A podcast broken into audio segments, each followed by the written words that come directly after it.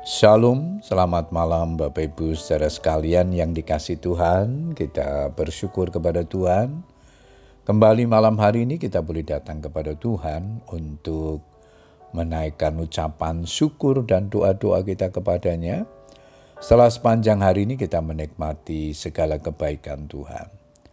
Malam hari ini sebelum berdoa, saya akan membagikan firman Tuhan yang diberikan tema bijaksana menggunakan lidah. Ayat mas kita di dalam Amsal 21 ayat yang ke-23. Firman Tuhan berkata demikian, Siapa memelihara mulut dan lidahnya, memelihara diri daripada kesukaran.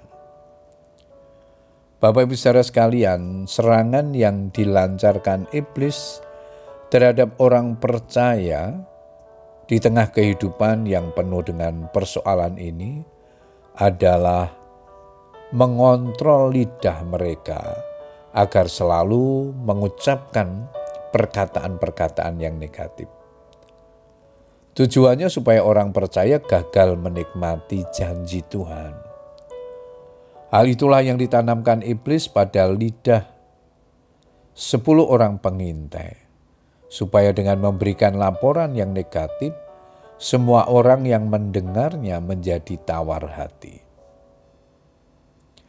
Ada banyak orang Kristen hidup dalam kekalahan setiap hari, oleh karena mereka tidak mampu menahan lidahnya dari menggemakan ucapan-ucapan negatif secara terus-menerus yang menyatakan rasa takut, khawatir, ragu, tidak mampu, tidak percaya, dan mustahil. Padahal firman Tuhan dengan jelas menyatakan bahwa hidup dan mati dikuasai lidah. Siapa suka menggemakannya akan memakan buahnya.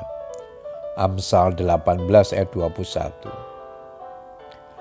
Setiap kali masalah datang, yang biasa mereka lakukan adalah bersungut-sungut dan mengeluh. Ketika menderita sakit, mereka tak berhenti mengeluhkan rasa sakit yang dialami, mengeluhkan besarnya biaya yang harus dikeluarkan untuk berobat, dan terus mengkhawatirkan hasil pemeriksaan dokter. Bukannya mengucapkan perkataan iman yang membangkitkan semangat bahwa tidak ada perkara yang mustahil bagi Tuhan atau mengamini ayat firman Tuhan yang berkata, Dialah yang memikul kelemahan kita dan menanggung penyakit kita, dan oleh bilur-bilurnya kamu telah sembuh. Kita mengalami masalah keuangan.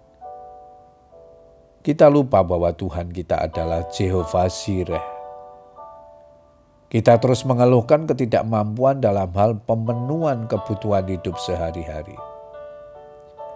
Imanilah apa yang Rasul Paulus katakan. Allahku akan memenuhi segala keperluanmu menurut kekayaan dan kemuliaannya dalam Kristus Yesus.